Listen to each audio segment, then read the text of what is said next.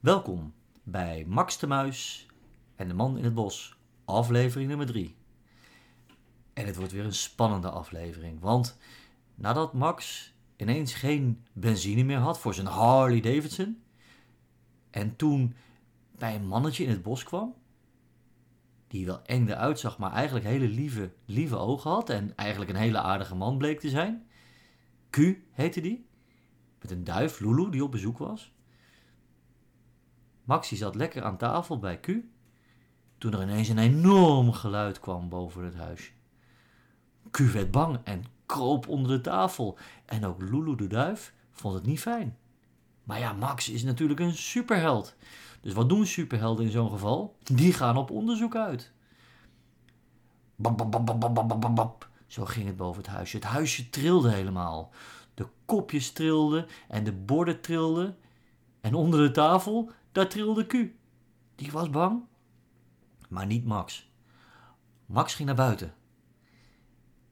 En hij voelde enorme wind boven zich. En hij keek en hij zag een grote zwarte helikopter. Een helikopter hier in het woud? Daar moet ik meer van weten.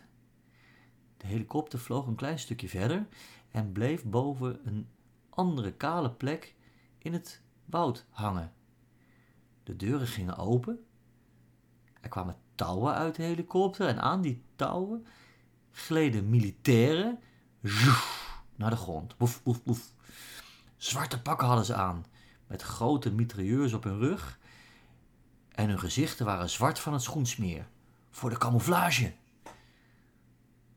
Max die kroop dichterbij. Militairen hier, wat komen die doen?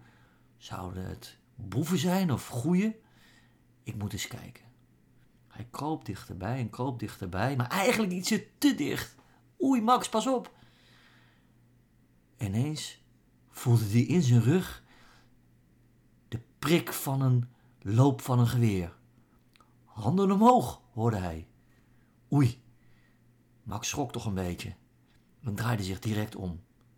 Stak zijn muizenpootjes omhoog en keek in het gezicht van een strenge militair. Een grote kerel in een zwart pak. Met zijn gezicht helemaal in het zwarte schoensmeer zag hij er eng uit. Maar toch, ook nu keek Max weer naar de ogen van deze man. En hij leek deze man wel te kennen. Nee, nu ook weer? Ja, nu ook weer.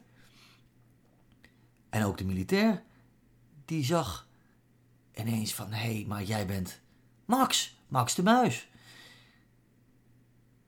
De militair kende Max dus. Max, herken je mij niet? Nee, zegt Max, ik herken jou niet met al die schoensmeren en die camouflage. En het is pikken donker, ik zie niet zoveel. Ha, maar ik hoor wel aan je stem. Dat, dat is wel heel bekend. Ben jij, ben jij John, John Cummins? Ja, precies, zei de militair. Ik ben John Cummins. Ja, Max, we kennen elkaar. Weet je nog toen in Kenia dat we samen op avontuur waren? Ja, natuurlijk, zei Max. Maar, maar wat doe je dan hier? Wat een toeval. John die vertelde dat dit een gebied was voor militaire oefeningen. Militaire oefeningen? Ja, en sterker, wij gaan dadelijk allerlei bombardementen hier krijgen.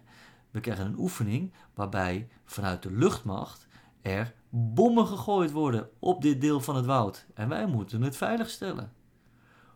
Pff, bommen? Hier? Maar dat kan niet, dat mag niet, want hier woont iemand. Hier woont iemand, wat zeg je nou, Max? Ja, en toen vertelde Max het verhaal dat hij hier met zijn Harley Davidson geen benzine meer had. Ook nu moest Max weer een beetje kleuren. Niet echt slim voor een superheld. Maar ja, toen had hij iemand leren kennen, Q, een aardig mannetje. En, en die woont al heel lang op dit plekje in het woud. Oei, zei John, dan moeten we wel ingrijpen, want nou als ik zo kijk, over 10 minuten, dan gaan er bommen vallen op dit deel. En dan blijft er weinig tot niks over van dit huisje. Wat kun je doen? zei Max. Hmm, zei John. Ik ga meteen met het hoofdkwartier bellen. En zo deed hij. Hij vertelde over het huisje en dat er dus hier mensen wonen en dat het niet de bedoeling was dat die geraakt zouden worden door de bommen. Nou, dat snapte het hoofdkwartier ook wel. Dus ze stopten de actie. Oké, zei John tegen Max. Het is klaar. Het is weer veilig. Weet je wat we gaan doen? We gaan even naar die Q toe en ik wil wel eens kennis maken, want het is toch een bijzonder verhaal. Iemand die hier midden in het bos woont.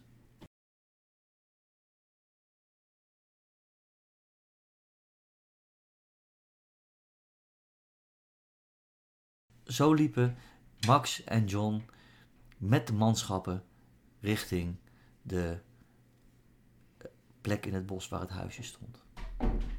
En vervolgens kwamen ze binnen. En Q zat nog steeds onder de tafel en Lulu ook. Kom er maar onder vandaan. Het is goed. Q keek heel voorzichtig over de rand van de tafel en zag ineens een angstaanjagende militair met een zwart pak en schoensmeer op zijn gezicht. Maar hij zag ook Max en hij wist dat het goed was. Hallo Q, ik ben John. Nou, je hebt geluk dat je Max hier op bezoek had, want anders waren hier bommen gevallen. Bommen gevallen, zei Q. Hoe bedoel je? John legde uit dat hij hier op een militair oefenterrein woont. En dat het eigenlijk levensgevaarlijk is. Q schrok van het verhaal, maar was ook wel blij dat het opgelost was. Maar hoe nu verder?